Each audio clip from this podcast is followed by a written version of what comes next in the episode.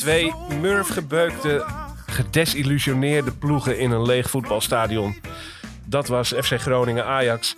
En daar kon je heel neerslachtig van worden als je dat jezelf toestond. Maar hey, dat gaan we niet doen. Ajax won met 2-3. En dat was mooi.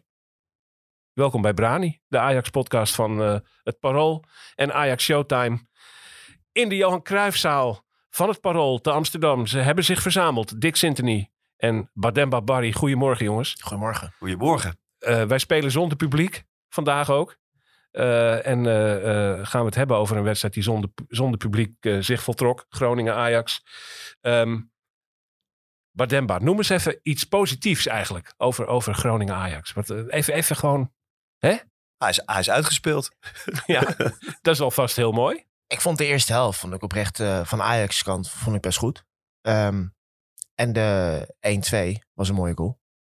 Eh, even kijken, de 1-2 van... eh, Van Bobby. Van, dat was Bobby, ja. ja, ja. Oké, maar de eerste helft was jij wel over te spreken eigenlijk. Ja, nou, Ajax begon fel, eh, zette goed druk. Ja, het spel aan de bal was niet altijd fantastisch. Er werden niet super veel kansen gecreëerd. Ehm, maar je zag in ieder geval wat, wat beleving, wat intensiteit. goede spelopvatting. Dus in dat opzicht ja, was er eigenlijk helemaal niks aan de hand. Totdat Groningen er één keer uitkwam en eh, het gelijk 1-1 stond. Ja.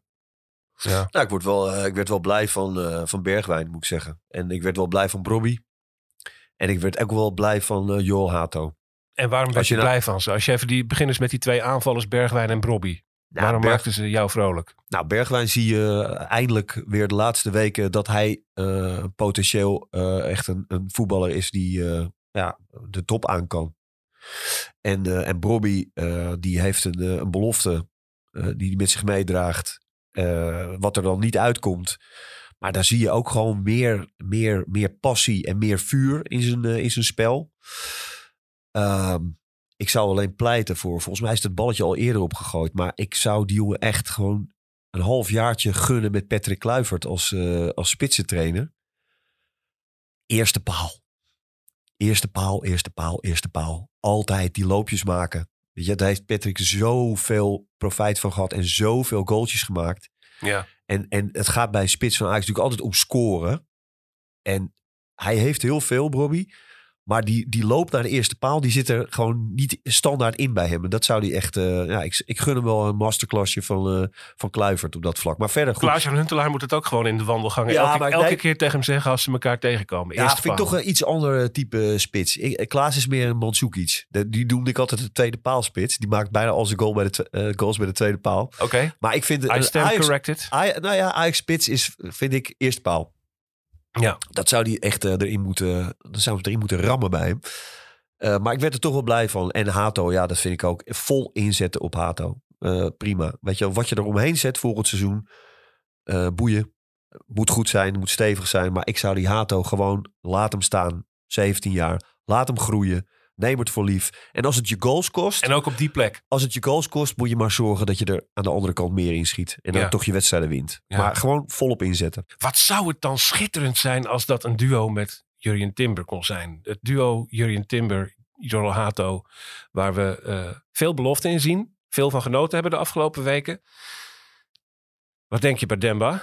Ja, ik, eh, ik hoop dat het wordt volgend seizoen. Kijk, over de belofte, de potentie van Timber twijfelt denk ik niemand. Hij heeft een minder seizoen achter de rug. En heel veel gespeculeerd. Ligt dat dan aan het feit dat hij een andere verdedigingspartner heeft? Ligt dat aan het feit dat hij überhaupt gewoon nog jong is? En jonge spelers kennen zo af en toe nu eenmaal een dip.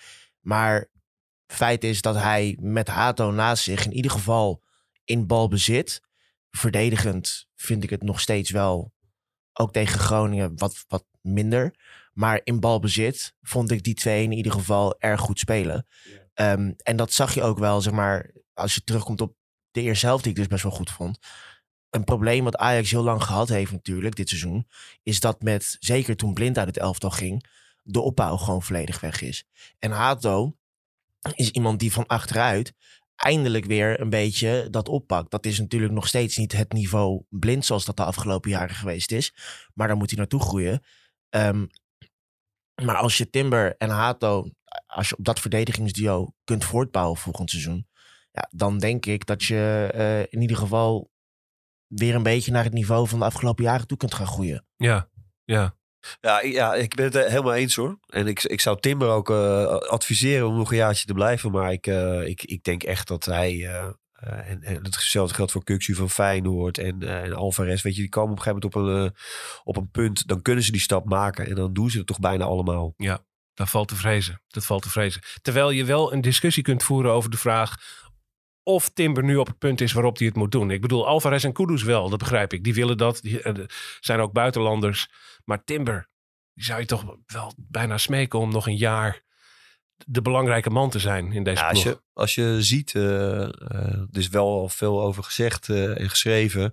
Maar het tweede doelpunt van, van Groningen gisteren, dan, dan, ja, dan zie je dat, dat Timber en Hato echt verzuimen om eh, gewoon eh, die linies dicht bij elkaar te houden. Dan staan ze echt met z'n tweeën zo ver weg. Ja. Terwijl voorin eh, druk wordt gezet, bijna in, in- rond de 16 van, van Groningen. En dan, dan zie je dat dat nog gewoon qua communicatie, qua, qua inschatten van het moment, weet je wel, dan is dat gewoon nog niet goed genoeg. De eredivisie nog niet ontgroeid, om het maar diplomatiek te zeggen. Nou ja, goed, jij, jij stelt die vraag en dat vind ik wel echt een terecht. Ik bedoel, je, dan, ik vind dat je moet er zo bovenuit steken. Ja. En ik vind Alvarez, weet je wel, je kan van alles op hem aanmerken hè, als voetballer. Eh, Maar wat hij, wat hij kan en waar hij voor staat, dat doet hij wel top. Ja. En, en dan is hij ook gewoon echt qua leeftijd en qua international. eh, Dan is hij Mexico klaar. is hij klaar om gewoon. eh, Ja. En dan moet je die stap ook maken. Ja, en dat vind ik van Timber dus nog niet per Nee, se. ik ook niet echt, nee. Dus hopen op wijsheid bij, bij Jurjen Timber. We komen al een beetje terecht bij de dingen die niet goed gingen in deze wedstrijd. Want dat is toch ook wel een aardige lijst. En als we daarin een chrono- chronologische aanpak willen kiezen... moeten we het misschien eerst hebben over de fout van eh, Geronimo Rulli. eh, die de 1-1 van Groningen betekende. Het was niet zijn eerste van het seizoen. Hoe is jouw gevoel over deze keeper? En hoeveel groeipotentie zie jij daarin, Bademba? Groeipotentie nul. En dat heeft ook vooral te maken met het feit dat Roelie eh, geen jonge keeper is. Hij is niet Nee. oud. Hij is 30 uit mijn hoofd. Eh, nou, dat is voor, zeker voor keeperstandaarden kun je dan echt nog wel een goed aantal jaar mee op niveau. Alleen, Maar je bent wel finished product. ja, realistisch gezien ga je niet heel veel beter meer worden. Ehm, ja, en ik vind Roelie een, een prima keeper. Maar ik denk niet dat hij het niveau is wat Ajax na moet streven. En dat zie je denk ik gewoon terug in, in het aantal fouten dat hij gemaakt heeft. Om op een Onana bijvoorbeeld terug te grijpen. Die had ook echt wel eens een catcher. Ik kan me een wedstrijd uit bij Benfica herinneren. Waar hij bij de 1-0 vreselijk in de fout gaat. Maar dan wel in de laatste minuut een briljante redding in huis heeft. Waardoor die wedstrijd op 1-1 blijft staan. Ja. En Roelie heeft eigenlijk te veel van die ketsers. En te weinig van die briljante momenten, briljante reddingen. Waardoor je eh, denkt van nou, onderaan de streep pakt die punten voor je. Goed, ik, ik ga omdenken. Hè. Zou het zo kunnen zijn dat deze Roelie eigenlijk net zoals de rest van het team van Ajax... Het is natuurlijk een klote seizoen waarin hij zijn entree heeft moeten maken in een dysfunctionele ploeg. eh, waar voortdurend van alles misgaat en ook een soort van desillusie boven hangt. Zou het niet kunnen dat hij volgend jaar gewoon beter voor de dag komt, Dick?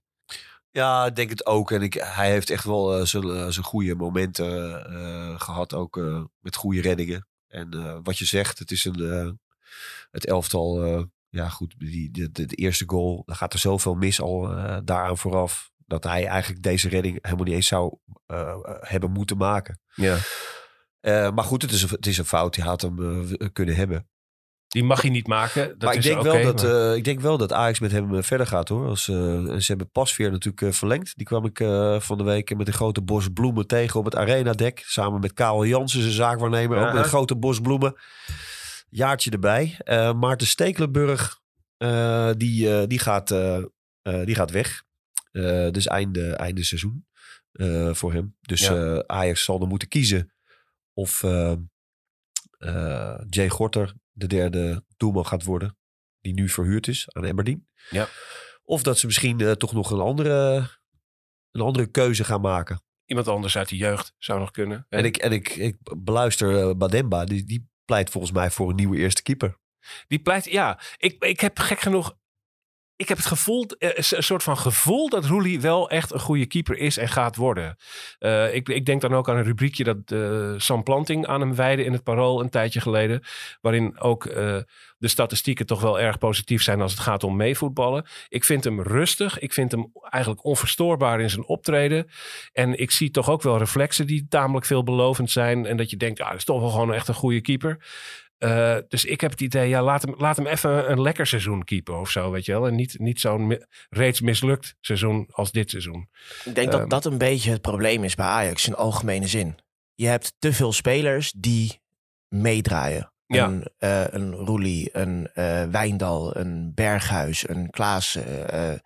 ga zo door. Dat zijn een hele hoop spelers waarvan iedereen, en tot op zekere hoogte ook wel terecht zegt van ja, maar ja, ze draaien nu ook wel in een heel slecht team in een heel slecht seizoen. Maar het probleem is dat je gewoon te weinig dragende spelers hebt. Ja. Er zijn een hele hoop spelers aangetrokken. Uh, en er is best wel veel geld als je salarissen en transfersommen voor alleen al die vier jongens die ik net opnoem naast elkaar leg. Dat is zeker voor Ajax-standaarden een flinke klap geld die neergelegd is. Voor allemaal jongens die dus eigenlijk niet helemaal goed genoeg zijn, maar misschien op een goede dag in een goed team dat niveau aan kunnen tikken. Nou ja, en dat is wel het probleem. Er zitten te veel van dat soort spelers op het moment in de selectie. En te weinig jongens als een, uh, een Tadic in zijn beste jaren, Blind in zijn beste jaren, uh, Ziyech, uh, De Licht, Frenkie de Jong. Die dat exceptionele wel hebben, die wel boven de rest uit kunnen stijgen. En de boel wel op sleeptouw kunnen nemen. Ja, dus ja. je zult op termijn, nou, op termijn deze zomer, zul je van een aantal van de jongens gewoon afscheid moeten nemen. En je zult daar of in de vorm van directe versterkingen. of in de vorm van wat er eventueel doorkomt vanuit jong Ajax. Uh, zul je daar spelers neer moeten gaan zetten. die in ieder geval de potentie hebben. om een dragende speler te worden. Een leader by example moet er komen. Iemand die voorop gaat. Um, die tweede helft, hè, ik heb hier in mijn draaiboek staan het woord verval. Dat het komt vaak terug in de draaiboeken van Brani. Uh, het verval was weer enorm. De tweede, tweede helft was aan de ene kant de, de, de, speelhelft waarin Ajax de winst naar zich toe trekt. Met twee doelpunten en die wedstrijd uh, beslist. Maar uh, voetballend, ja, dik, onthutsend, mogen we dat zo noemen? Nou, goed, Echt slecht. Vind, ja. Ik, uh, ik vind de hele sfeer waarin deze wedstrijd werd gespeeld, die, die, die schreeuwde daar natuurlijk om. Ja, kon en, ook moeilijk goed worden. Ja. ja, ja. Kijk, ja, en dat is de eerste helft zeker hoor. Dan hebben ze wel wat aardige kansjes bij elkaar gevoetbald en zo. En, en, ik noemde net wat spelers waar ik wel blij van werd. Maar ja, als je ziet Kudus, ja, dan, dan ja. ja. Je doelt op dat gevraagde moment bij de tweede. Joh, gewoon toch... de hele wedstrijd, joh. Hoe die erbij liep en hoe die, uh, hoe die zich bewoog. Of eigenlijk beter niet bewoog. Weet ja. je, ja, dat is niet... Uh, ja, dat was een beetje de, de, de, het kader van de wedstrijd. Maar de hamvraag is, was dat vanwege deze setting en het decor? Ja, joh, of zegt dat, ook, zegt dat ook iets over... De... Over, over het seizoen en over Ajax en over Kudus zelf en zo. Die is er helemaal niet meer bij, joh, met zijn met hoofd. Dat, ja. Uh, ja. Kijk, en dat, dat, dat gepruts met die, met die gestaakte wedstrijd en dat weer terug moeten en zo, weet je. Maar dan zijn ook alle uitslagen bekend, weet je. Dus, dus PSV heeft gewoon uh, weer net aangewonnen en AZ heeft uh, makkelijk gewonnen. En dan moet jij twee dagen later op, een, op, een, op een middag in een leeg stadion even het beste jezelf naar boven halen. Ja. Sommigen kunnen het en anderen niet. En anderen niet. Het lukte Ajax voor rust nog redelijk. Laten we dat dan als positieve en Groningen, en Groningen voetbalde bevrijd. Want laten we dat ook niet vergeten. Ja. Die hebben natuurlijk gewoon uh, maandenlang uh, met een soort uh, stoppen om hun nek op het voetbalveld gestaan. Zeker in eigen stadion. Hè, waar, waar je gewoon vrees hebt voor je, voor je eigen fans en je eigen publiek. En die vonden het heerlijk joh.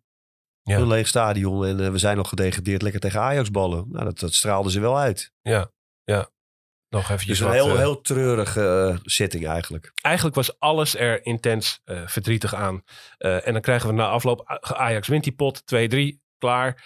krijgen we na afloop een, een commentaar van Dusan Tadic daarop. Dik. Ja, die, die, die, die had iets van, ja, die wedstrijden die al steeds gestaakt worden, ja, dat kun je niet, dat kun je niet uitleggen aan kinderen. Nou, ik denk dat hij het wel goed bedoelt, maar dit kun je echt uitleggen aan, aan kinderen. Uh, als mensen zich zo misdragen op een voetbalveld, dan, uh, dan gaat de wedstrijd niet door. En dat komt door die mensen. Dat kun je uitleggen Je aan een kind. volgens mij rond een voetbalveld is een leuke verspreking. Je, zei- ze- je zegt op een voetbalveld. Ja, op een voetbalveld. maar goed, eh, in een stadion, op een veld, langs de velden en zo. Dus, dus Want dat doet Dusan Tadic zelf wel eens. Om het Ja, maar, tuurlijk. Ja, eh, zeker. Maar goed, ik vind nog altijd dat je dat moet scheiden. Ja, hè? Dus vind ik wat er op het veld gebeurt en daarbuiten, dat is, zijn andere werelden. Punt. Ja. Waarmee ik niet zeg dat ze geen voorbeeldfunctie hebben. Maar goed, je moet het wel loszien van elkaar. Maar dat kun je echt uitleggen aan een kind. Dat daardoor een wedstrijd eh, niet doorgaat. En daar jouw middag wordt verpest. Ja. Maar de kinderen, de vervolgvraag die ze zullen stellen is... Maar waarom doen die mensen dat dan? Kijk, en die kunnen we niet beantwoorden. Dat weten we niet. Nee, je kunt een poging doen en dan kom je ook best een heel eind. Maar het is voor een kind in ieder geval heel moeilijk voorstelbaar. Ik heb er eerlijk gezegd sowieso een vreselijke hekel aan als mensen, eh, en het gebeurt in het voetbal exceptioneel veel, een punt gaan maken door te verwijzen naar kinderen. Ik, heb, ik vind het echt zo'n armoe. Hoe leg ik dit mijn zoontje uit? En dan word ik altijd, ik krijg vlekken in mijn nek van dat soort Ja, goed, ja, nogmaals, dat kun je goed. eh, Jij hebt ook eh, jonge kinderen, die Ja. voor mij zijn wat ouder, maar ik heb ook jonge kinderen gehad. Ja, ik kon dat altijd wel uitleggen. Alleen ze, ze, ze stelden meteen de wedervraag, maar waarom doen die mensen dat dan? Ja, Ja. ja, en die kan ik niet beantwoorden. ja. Probeer dat maar eens. Ja nou ja, eh, dat, dat, ik, ja, ik zou Het zijn, het- het, zijn geen, het zijn geen doorgedraaide eh, supporters eh, die boos zijn omdat de club is gedegradeerd en dat ze een potje van hebben gemaakt en dat willen laten zien of merken. Dat, dat geloof ik niet. Het zit wel dieper en het is breder dan dat. Je, nou, het zijn wel mensen die volgens mij vanuit die drive opereren. Hè? We zagen een man met een groot doek kankerbestuur. Dat is een vrij helder eh, eh, verklaring van wat je dan eh, voor sentimenten bij je draagt. Ehm, het heeft ook zeker te maken met een falende club die gedegradeerd is. Weet je wel, en de woede daarover. Het is frustratie, het is gevoel, gevoel van vernedering. Dat de stad de eredivisie uitgaat. De, de woede daarover, die komt in dit soort types op een hele negatieve manier naar buiten. Dat is een woede die elke aanwezige op zo'n tribune voelt. Iedereen die hard voor de club heeft, voelt die woede waarschijnlijk ook wel. Alleen deze figuren hebben niet geleerd om dat eh, te kanaliseren en in te houden. En worden daarbij nog aangemoedigd, vaak ook door verdovende middelen. Of, of in dit geval PEP-middelen. Ehm, ik zou een poging kunnen wagen om dat aan mijn zoontje uit te leggen, zeg maar. En hem dan uitleggen van ja, als jij dat soort boosheid ook voelt, dan ga je niet rotzooi gooien. Dat is waar de grens loopt. Eh, dus uitleg aan kinderen, ja, ja, ik weet het niet. Ik weet het niet. Nee, maar goed, die, eh, die, eh, die grenzeloosheid, ja, je probeert het nu uit te leggen, maar eh, je bent mij halverwege al kwijt. Dan ben ik niet eens een kind. Echt, echt nee, ja, het is toch niet. het, is, het is voor clubs nauwelijks tot niet te bestrijden. Het is natuurlijk gewoon ge- ja, een soort georganiseerde bende. Ja. En daar, daar kun je met een paar stewards en een paar maatregelen. ja, dat, dat red je gewoon niet. Nee, nee. Er moet, De politiek eh, moet, moet ingrijpen. En we hadden het net eh, voordat we gingen zitten al even over... eh, eh, ja, weet je, de laatste twee speelronden die tegelijkertijd moeten worden gespeeld. En daarna nog na competitie, die play-offs en zo. Ja, ik blijf erbij dat de KNVB gewoon moet vasthouden. En als het weer gebeurt in de wedstrijd, stoppen. Hup, en weer op dinsdagmiddag, leeg stadion. Ja, laat iedereen maar gewoon zien en voelen en proeven dat het gewoon eigenlijk verrot is. ja, En, en dat, dat de, de, het schreeuwt echt om politieke eh, eh, steun. dat is de crux. Dat is de crux. Dat Punt. is wat moet Punt. gebeuren. En eh, wij verschillen alleen, we hadden het hier inderdaad vooraf al even over. Wij verschillen wel van mening over hoe je het voor elkaar moet zien te krijgen dat de politiek gaat ingrijpen. En, en juridisch de ma- manieren gaat creëren om dit soort daders te bestraffen. Ik geloof namelijk niet in het stakingsbeleid zoals dat nu is.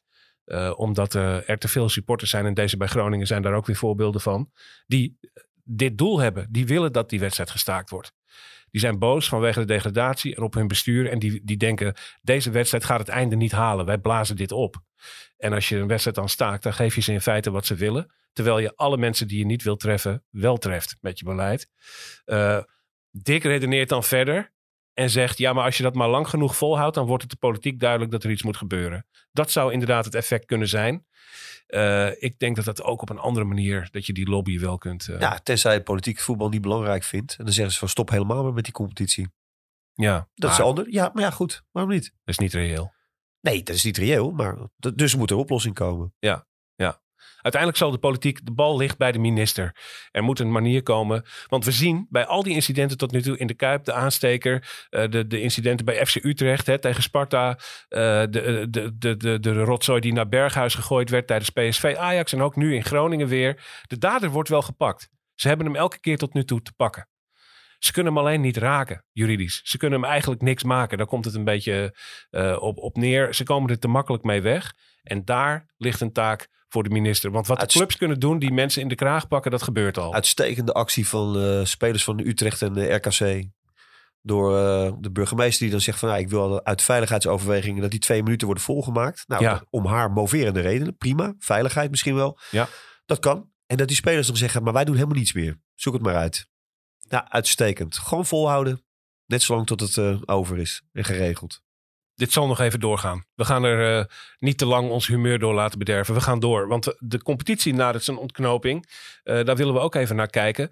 Wat is nu precies de stand op de ranglijst? Wat is de situatie en wat betekent het voor de plaatsing voor bijvoorbeeld de Europa League en de Conference League? De twee toernooien waar Ajax de grootste kans op maakt. De kans dat er Champions League gespeeld kan worden is ook nog altijd klein, sluimerend aanwezig. We geven Bademba Barry een klein kwartier om uit te leggen hoe de vork in de steel zit. Bademba, vertel.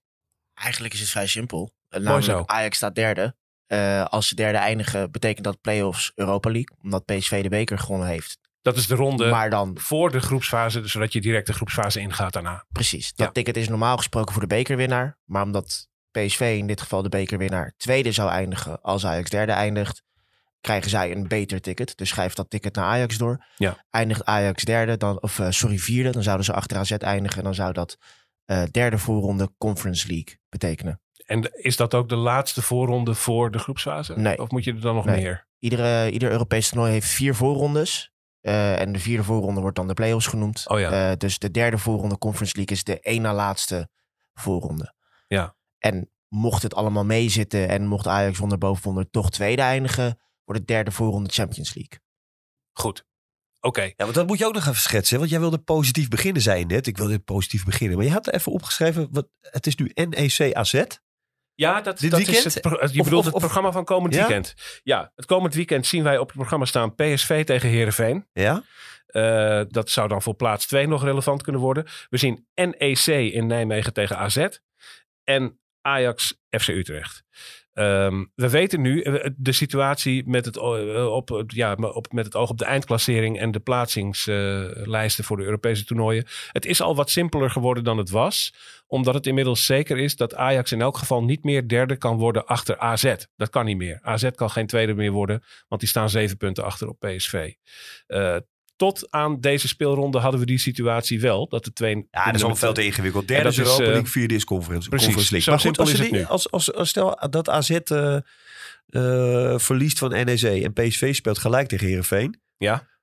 En, en Ajax zou winnen van Utrecht, dan is Ajax zeker van de derde plek, denk ik. Ja, klopt. En, en dan hebben ze zelfs in de laatste speelronde nog kans om uh, uh, tweede te worden. Ja, dat zou het ideale scenario zijn. Dat de derde plek zeker is en de tweede plek nog kan. Dat, ja, kan, ja, dat kan op de... Dit is echt een hele positieve uh, noot dit hoor. Voor, voor de podcast. Misschien, dus, misschien wel, maar oh. aan de andere kant... Ja, Ga ik jij denk, nou het zitten bederven nou, weer? Ik denk, ik is, denk, is dat wel het ideale scenario? Omdat AZ is dan definitief uitgespeeld. De laatste speelronde tegen PSV. Ja. Dus ja, die hebben dan in dat opzicht weinig incentive meer om het PSV zo lastig mogelijk te maken. Ja, dus krijgen, als, we, krijgen we dat weer. Als AZ ja. nog een beetje bloed ruikt, als AZ Ajax in die zin nog bij kan doen, dan uh, is er voor hun natuurlijk veel meer aangelegen om nog voluit te gaan tegen PSV die laatste speelronde.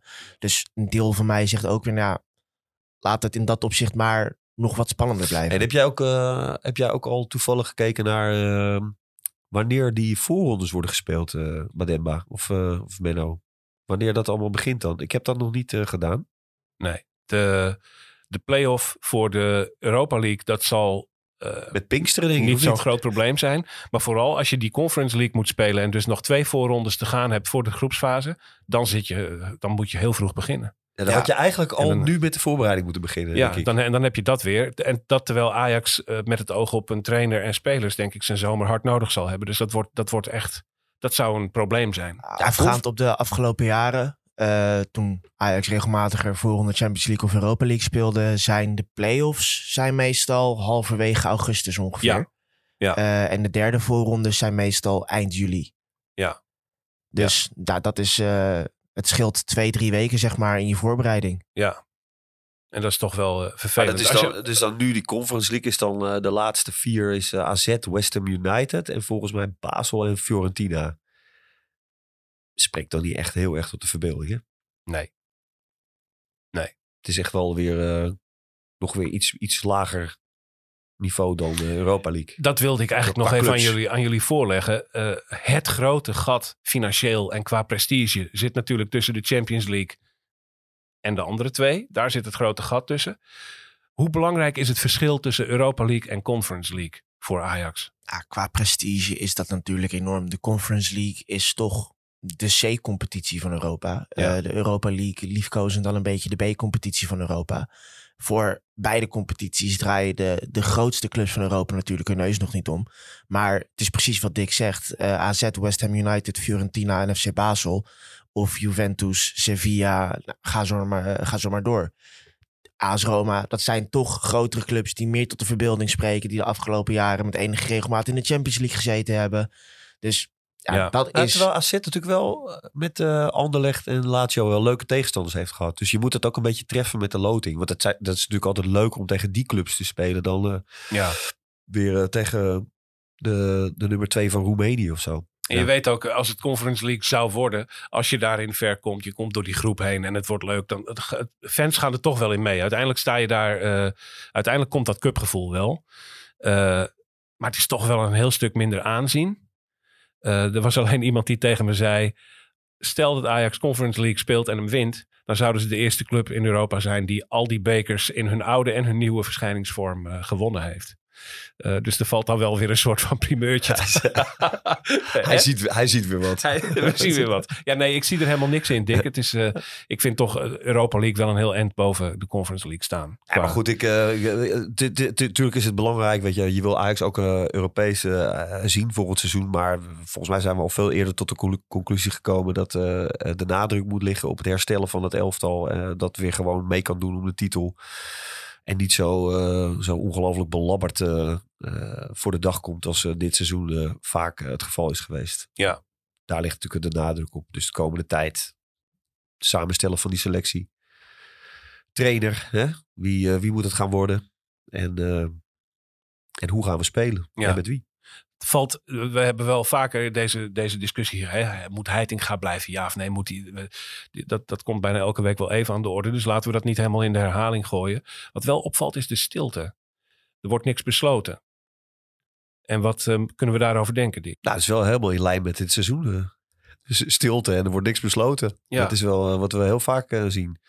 Nee joh, die, eh, de, de, de technische man, eh Michelin Tat, is natuurlijk heel druk in de weer. Ja. En op 19 mei eh, treedt hij natuurlijk officieel eh, pas eh, in dienst. Hoeveel is het vandaag? 17. 17, nog twee dagen, Nog twee jongens. dagen, dan mag hij beginnen. Ja.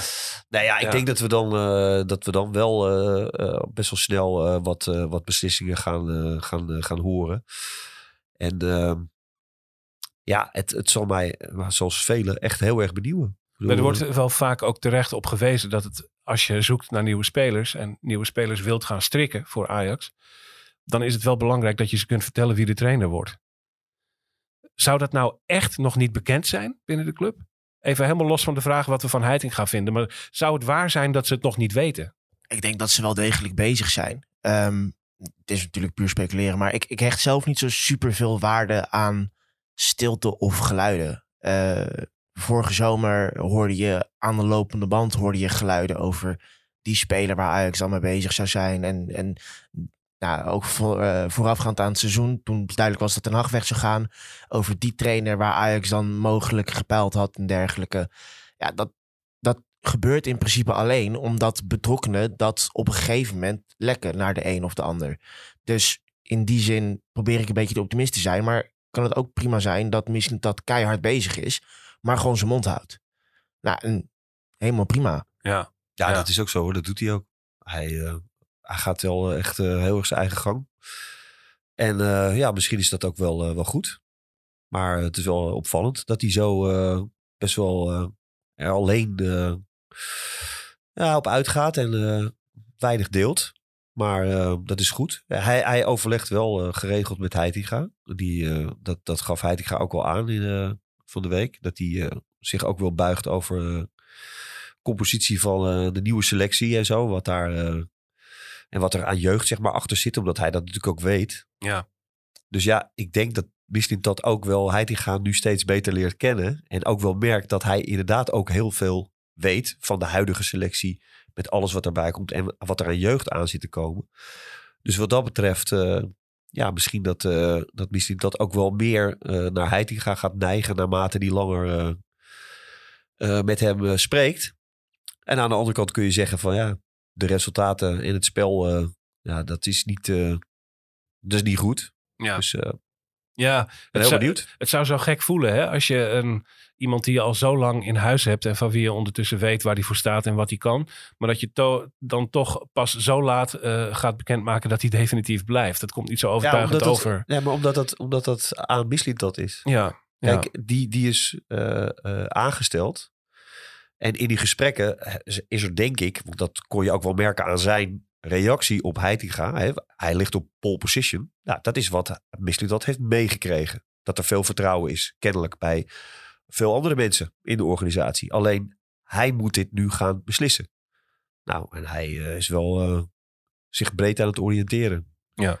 Ja. En, eh, en niet alleen aan, aan het kijken wat, wat Heitinga doet. Ja. En, en zou kunnen betekenen. Heb jij er enig zicht op, Dick, wat, wat eh, Klaas-Jan Huntelaar momenteel doet en hoe die zich verhoudt in dit eh, spel tussen Heitinga en Misselintat? Die, eh, die zit wel eh, meer in de, in de jonge Ajax-hoek op dit moment. En in de jeugd. Ja, hè? Dus eh, dat zei ik net. wel, Die Missling, dat is wel echt zijn eigen plannen eh, aan, het, eh, aan het trekken. Het is niet zo dat daar een duo Misselintat-Huntelaar eh, rondloopt momenteel. Nee. nee. Nee, maar goed, misschien is dat ook wel deels verstandig. Gezien de hele voorgeschiedenis. Ja, dat lijkt me ook. Maar het is, eh, ja, Kijk, eh, Huntelaar heeft natuurlijk zijn input gegeven. Met wat er allemaal is gebeurd en wat er nu staat aan selectie. Hoe dat is gegaan, hoe dingen in elkaar steken en zo. Dat zal Van der Sar ook hebben gedaan. En dat doet hij nu ook met Heitinga. Maar hij moet wel zijn eigen keuzes gaan maken. Ja. Hij is niet gekomen om uit te voeren wat anderen eh, van hem vragen. Hij wil het wel zelf doen. Ja. En dat is ook goed. daar is hij ook echt directeur voor. Ja. Ehm, eh, dus ja, misschien een soort andere eh, plek voor, voor Huntelaar. Die, die, die, dobbert een beetje in een andere richting dan wat hij de voor, voorbije zomer natuurlijk had. En bij Heitinga is misschien ook wel goed om nog even toe te voegen. Kijk, het wordt natuurlijk heel erg ges- gespeculeerd over een, een tweedeling. Hè? Of hij is trainer en anders lijkt het idee wel, ja, dan gaat hij er helemaal uit. Maar in eerste instantie heeft hij natuurlijk bij het eerste getekend als assistent. Ja. Dus de mogelijkheid dat hij als assistent doorgaat, ik heb geen idee hoe hij daar zelf in staat. Maar die ligt in die zin natuurlijk ook nog steeds op tafel. En dan is het natuurlijk in dat opzicht ook logisch dat hij inspraak heeft en zich bemoeit met de samenstelling van de selectie voor volgend seizoen. Ook als assistent zou er dan naar hem geluisterd moeten worden. Ik vind Ehm, ook een, een buitenlandse trainer eh, eh, ligt natuurlijk wel aan wie het is. Maar je kan toch niet zeggen dat er geen trainers zijn in het buitenland die, die op een Ajax manier tegen het voetbal aankijken. Daar zijn er heel veel van. hè? Ja, Dus die hoeft echt niet per se eh, hier uit Amsterdam te komen of, eh, of tien jaar bij de club gevoetbald te hebben. ja, Er zijn in het buitenland heel veel trainers die precies begrijpen waar Ajax voor staat. ja, Dus ja. En waar Ajax voor staat, is ook, dat moet ook geen dogma zijn. Dat is niet in beton gegoten. Er is niet een. eh, nee, maar dat- dat- dat, dat zijn trainers die ook wel komen en zeggen: Oh, Hato, die ga ik opstellen. ja, ja. Snap je? Oh, die zijn er In zeker. plaats van, van ik, haal, ik haal drie eh, centrale verdedigers en die stel ik alle drie op. En timmen we hebben de, de boel dicht. Eh, Snap je? Dus op die manier Precies, naar voetbal kijken. Precies. Gewoon ook- die, die aanvallend. eh, eigenlijk zijn de, de Ajax, de Ajax kenmerken. eh, die zijn ruim interpretabel. Als het maar aanvallend is, gebaseerd op techniek, gebaseerd op positiespel. Eh, En met dan, eigen jeugd. dan kun je er. Maar bijvoorbeeld dat het 4-3-3 moet zijn met een eh 10 achter. Dat ligt helemaal niet vast. Dat is helemaal niet. Dat is bij Ajax heel vaak veranderd. Die Ja, maar dat, die, die, die dogma's, daar moet je ook helemaal eh, van af. Weet je? Dat, het voetbal is gewoon hartstikke modern. Weet je wel? Ja. Eh, hoe moet je mij horen? Is hartstikke modern. Is gemoderniseerd. Dus dat is niet meer klassiek 4-3-3 en Nee. zo. Weet je? Alles loopt door elkaar en, eh, en alle posities moeten overgenomen kunnen worden. En eh, totaalvoetbal, hè? Dan moet een dat, eh, moderne denker de ruimte krijgen. Cruijff noemde dat totaalvoetbal. Ja. En, eh, dat, eh, dat moet het zijn. 4-3-3 was een fase in de Ajax-geschiedenis. Dat was daarvoor iets anders en het kan ook daarna iets anders zijn. Dat is niet in beton gegoten. Alleen de aanvallende gedachte wel. Uh, Oké, goed. We willen nog eventjes naar Jong Ajax. Want uh, om, om deze podcast af te ronden. even kijken hoe het, hoe het seizoen voor Jong Ajax is verlopen. Ze verloren onlangs met 1-2 van Jong AZ. Zullen daardoor waarschijnlijk niet het hoogst geclasseerde Jong elftal in de keukenkampioen-divisie worden. Ze staan momenteel dertiende. En aan het hoofd staat daar nu natuurlijk Dave Vos. kun jij een beetje vertellen, Jong Ajax, hoe staat het ervoor? Hoe gaat het daar verder? En wie zijn de mensen die misschien volgend jaar de stap zouden kunnen maken naar het eerste team? Met dat laatste te beginnen. Uh, daar zijn denk ik een aantal uh, obvious, uh, obvious namen, vanzelfsprekende namen. Vos heeft natuurlijk gedebuteerd al een aantal minuten daarna gemaakt. Gods viel ook tegen Groningen weer, weer in in de slotfase. De Belg Mika Gods. Fitz Jim heeft natuurlijk zijn debuut gemaakt en, en is nu geblesseerd, maar heeft er eigenlijk constant bij gezeten. Dus in die zin heb je denk ik al drie namen die volgend seizoen uh, er in ieder geval vast bij zullen zitten. Van Axel Dongen bijgetekend? Van Axel Dongen heeft bijgetekend, zeker niet onbelangrijk. Uh, zijn grootste probleem is fitheid. Als die jongen fit is, dan is dat in potentie de linksbuiten voor Ajax op termijn. Alleen, hij is bijna nooit fit. Hij heeft anderhalf jaar geleden, dat is bizarre eigenlijk, heeft hij al zijn debuut gemaakt. Uh, in december 2021. En dat was eigenlijk gelijk flitsend. Dat was uh, gelijk, maakte hij indruk. Alleen daarna is hij geblesseerd geraakt. Hè? Het idee was, nou, dan kan hij zijn minuten gaan maken bij jong Ajax. Zo nu en dan misschien een invalbeurtje in Ajax 1. Eigenlijk wat Mika Gods nu doet. Maar dat is daar eigenlijk niet van gekomen. Omdat hij telkens geblesseerd is. En iedere keer als hij nou, twee, drie, vier wedstrijden gespeeld heeft gebeurt er toch weer wat. Raakt hij toch weer ergens geblesseerd. Hmm. In zijn revalidatie uh, is er dan weer een terugslag. Dus nou, het aantal wedstrijden wat hij bij elkaar gespeeld heeft sinds zijn debuut in Ajax 1, dat zal de 20 niet overstijgen, denk ik. Is ook een onderdeel van je, van je talent, hè, waar je misschien zelf uh, heel weinig uh, aan kan doen. Al zullen ze hem natuurlijk wel helpen. Maar je lichaam moet natuurlijk ook wel bestand zijn tegen het spelen van topvoetbal. Ja, ja. En dat is ook niet altijd gezegd. Dus ja, ik hoop voor de jongen dat het dat ze een manier vinden zo om hem uh, fit te houden. Ja. En dan, ja, dus Ajax die, die beloont hem natuurlijk wel met een, een, nieuw contract. Dus dat betekent wel dat ze nog steeds die potentie ook wel in hem zien. En, maar goed, zo hebben ze een aantal jongens en dan moeten ze keuzes gaan maken wie ze erbij houden en wie ze gaan verhuren. Misschien wel gaan verkopen. Soms met een optie ook weer om spelers weer terug te kunnen kopen. Dus dat doen ze wel goed. Ja, Kun jij nog even reageren, Bademba, kort op, op uh, uh, wat je nu veel leest, dat jong Ajax onder De Vos veel beter is geworden dan het onder Heitinga was en dat dat iets over de trainers zou zeggen? Dat, daar vind ik wel wat van, want dat, dat is wel zo dat uh, De Vos het beter voor elkaar heeft met jong Ajax nu dan Heitinga. Tegelijkertijd zat ik bijvoorbeeld ook al te kijken, en bij jong Ajax de resultaten, eigenlijk zou je daar nooit over moeten hebben. Zo staan ze er bij Ajax zelf ook in, want het gaat om de ontwikkeling van de spelers. Nou heb je in, in Vos en in Gods en in Fitzjim heb je al drie voorbeelden. En zo zijn er meer aards bijvoorbeeld ook. Uh, die hun debuut gemaakt hebben dit seizoen. Dus in dat opzicht heeft Jong Ajax ja. zijn werk gaan. Gooier heeft nog niet gedebuteerd. Die heeft er wel een paar keer bij gezeten. Ja, ja precies. Um, maar in dat opzicht heeft Jong Ajax dus zijn werk gedaan. Maar ook als je de resultaten van uh, uh, de teams waar Vos tegen gespeeld heeft met Jong Ajax en Heitinga naast elkaar zou leggen, dan doet Vos het wel iets beter. Uit mijn hoofd gaat het over 14 of 15 wedstrijden, over iets van vier of vijf punten meer voor Dave Vos. Maar zo heel veel verschilt dat niet.